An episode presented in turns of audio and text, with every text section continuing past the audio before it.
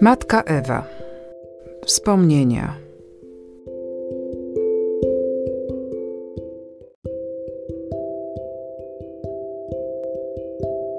Tabita służebnica. Tabita była uczennicą, a to znaczyło, że przyjęła do swojego życia Jezusa jako zbawiciela i poszła jego śladem w zupełnym oddaniu i posłuszeństwie. W oryginale Tabita znaczy sarna, a zwierzątko to posiada dwie najważniejsze cechy: jest szybkie i przyjazne, lubi przebywać w stadzie, a tam wyróżnia się ruchliwością i łagodnością. W jego naturze nie ma żadnej napastliwości, jest natomiast zgodliwe i pełne życzliwości. O Tabicie powiedziane jest, że jej życie wypełnione było dobrymi uczynkami. A więc nie były to jakieś zewnętrzne ozdóbki, jakie zwykli jesteśmy wieszać na wigilijnej choince, czyli od święta i dla oczu, lecz jej dobre uczynki pochodziły z przepełnionej dobrocią natury. Nie było to więc nic nabytego, na przykład przez dobre wychowanie, ale coś, co było nią samą. Tabita nie szukała uznania ani miłości, bo sama nastawiona była tylko na dawanie, a nie przyjmowanie. To też, gdy umarła, wszyscy, którzy byli przez nią obdarowywani, musieli boleśnie odczuć jej odejście. Podobnie jak odczuwa się odejście matki, która żyła tylko dla drugich, a nie wymagała niczego dla siebie. My w Miechowicach mieliśmy również naszą Tabitę. Krótki jej życiorys pokrywał się prawie całkowicie z życiorysem biblijnej Tabity.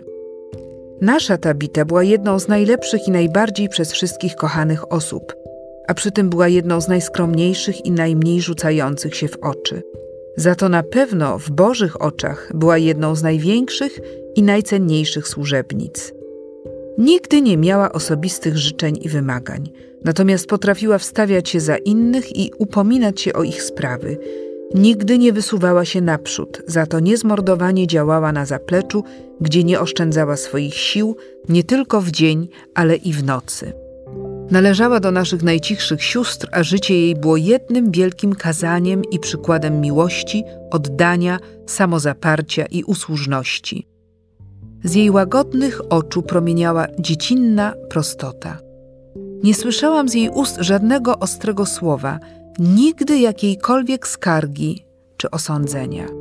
Natomiast nigdy jej nie zabrakło słów, gdy trzeba było kogoś bronić lub usprawiedliwiać czyjąś słabość czy błąd w postępowaniu. Jej służbę cechowała gotowość do ofiary, choć nigdy się na nic nie skarżyła. Jej trosce podlegała szwalnia, a więc opieka nad ubiorem sióstr i wszystkich domowników. Nie było to zadanie łatwe gdyż był to czas, gdy mieliśmy duże trudności ze zdobywaniem materiałów i dodatków krawieckich. Jeśli miała kiedykolwiek jakie skryte pragnienie, to pewnie takie, by nareszcie mieć składzik, w którym znajdowałoby się wszystko, co jej do szycia było potrzebne i gdzie mogłaby w każdej chwili przyjść i znajdować to, czego szukała. Tymczasem była zdana na ciągłe sztukowanie i rozmyślanie, jakby tu z jakichś resztek skombinować i uszyć coś, co by się nadawało do noszenia. Jej stałą troską było to, jakby tu z niczego zrobić coś. To przyprawiało ją o niejeden ból głowy.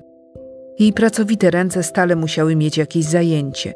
Nawet w czasie krótkiej obiadowej przerwy musiała mieć przy sobie jakąś robótkę, z nad której nie podnosiła wzroku.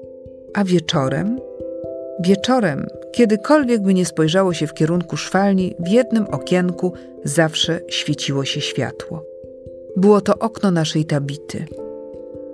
Podczas gdy wszyscy w domu dawno udali się na spoczynek, ona zawsze miała coś do zrobienia, co nie cierpiało zwłoki.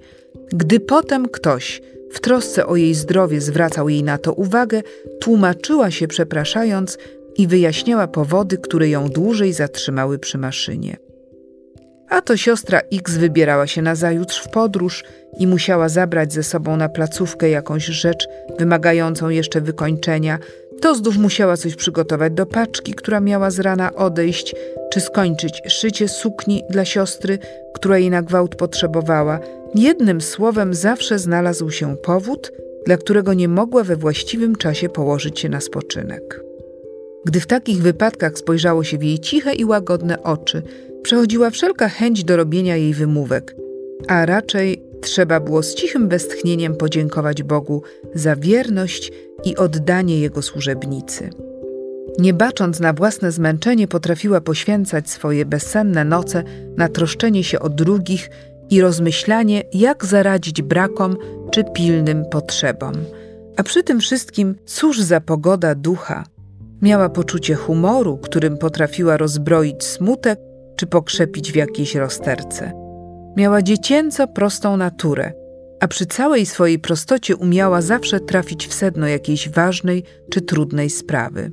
Był tylko jeden człowiek, dla którego potrafiła być bezwzględna, którego traktowała surowo i nie dbała o jego potrzeby. Ona sama. Zdarzyło się, że któraś z wyjeżdżających sióstr nie miała płaszcza zimowego, a w domu nie było strzępka materiału, z którego można by uszyć taki płaszcz. Wtedy przyniosła swój własny i jeszcze się usprawiedliwiała, że wprawdzie trochę go nosiła, ale jest w dobrym stanie. A ona? Cóż ona? Jak będzie jakiś materiał, to sobie uszyje i zawsze sobie poradzi. A potem, gdy rzeczywiście jakiś materiał znalazł się, to naturalnie wszyscy inni bardziej potrzebowali płaszcza niż ona. Podobnie było z jej osobistą, troskliwie utrzymaną bielizną. Gdy ktoś czegoś potrzebował, a nie było akurat z czego uszyć, biegła do swoich skromnych zapasów i dzieliła się swoimi osobistymi rzeczami. W rezultacie tak się stało, że ta, która miała do wszystkiego w naszym domu dostęp i dysponowała wszystkim, gdy pewnego razu zamknęła oczy na zawsze, odchodziła z tego świata jako najuboższa z ubogich. Nie zostawiła po sobie nic. Jej odzież i bielizna służyć mogły za wzór artystycznego cerowania. I takie było jej życie praca i rozdawanie innym. Gdy nadszedł taki dzień, że już nie mogła o własnych siłach stanąć przy krawieckim stole, położyła się, aby więcej nie wstać. Była to grypa połączona z ostrym zapaleniem płuc. Jej chore serce, które ją tak wiernie utrzymywało w niezmordowanej służbie, odmówiło dalszej pracy. I tak jak żyła, nigdy niczego dla siebie nie pragnąc, tak też cicho znosiła swoje cierpienie i tak cicho umarła. Była to uczennica pańska, która z zapaloną świecą czekała na jego przyjście, to też nie potrzebowała specjalnego przygotowania, gdy on się po nią zjawił.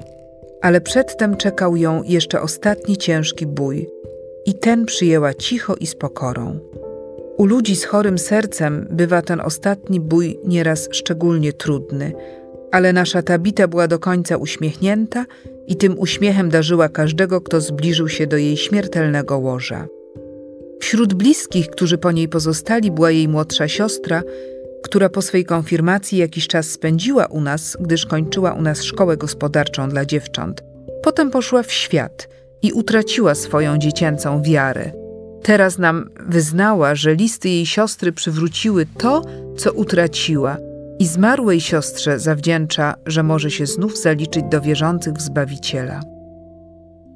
Również wiele innych osób świadczyło nad jej trumną, jak wiele jej zawdzięczają. Niejedna łza wdzięczności zrosiła tę trumnę, niejedno westchnienie dziękowało Bogu za tę cichą i skromną służebnicę. Przyszła do nas jako dziewiętnastoletnia dziewczyna, a dwadzieścia cztery lata przeżyła u nas w ustawicznym usługiwaniu innym.